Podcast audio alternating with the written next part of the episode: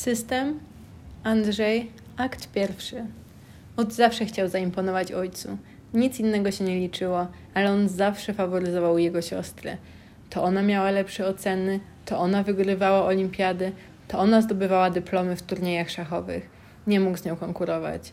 Pomimo, że trzy lata młodsza, była lepsza praktycznie we wszystkim. Już kiedy miała 12 lat, wiedział, że nigdy nie dane mu będzie przejąć rodzinnego biznesu. To ona będzie zarządzać ukochaną firmą ojca, a on? Co mu zostało? Pierworodny syn, który może dostanie pusty korporacyjny tytuł umożliwiający dostanie minimalnej pensji i przeżycie z dala od jakiejkolwiek odpowiedzialności. Facility manager, program manager, może HR specialist. Poszedł na studia pchnięte oczekiwaniami, a teraz na drugim roku już wie, że to wszystko na nic. Niczego się tu nie nauczy, nic pożytecznego nie wniesie do firmy, a jego młodsza siostra do końca życia będzie mu wypłacała pensję – chyba że go znienawidzi. Czy powinien być dla niej milszy? Może powinien zadzwonić, spytać co u niej, chociaż może się przestraszyć. Nie rozmawiali od urodzin ojca, a wcześniej od świąt. Ale czy tylko naprawdę na tyle go stać? Czy to jest najlepsza wersja jego? Niedawno zaczął słuchać coachów na YouTube i zaczął sobie uświadamiać, że może być, być może jest inna droga może mógłby stanąć w opozycji do rodziny, nie wchodzić w ten schemat, stworzyć coś na własną rękę. Tylko co? Nigdy nie był najbystrzejszy. Ledwo zdawał z matematyki, więc pewnie odpadają wszystkie rzeczy związane z analityką. Pierwsza lepsza osoba na ulicy go przegada, więc w biznesie raczej nie zaistnieje.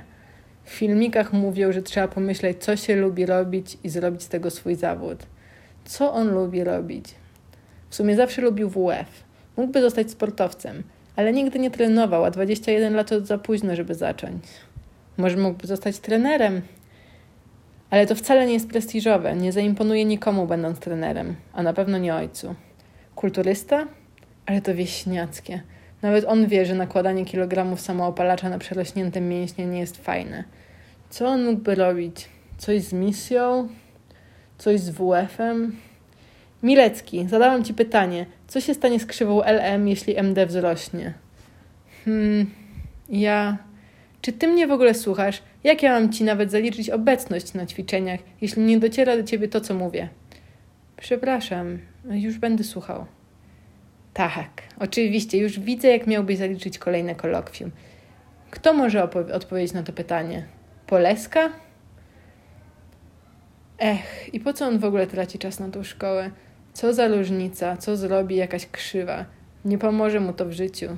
I ta walnięta profesorka, niech da mu w końcu spokój. To nie jego wina, że jest taka nudna. Nie może spędzać więcej czasu w tej szkole. Traci czas. Chciałby jej teraz przywalić. Przywalić. Może pójdzie do wojska.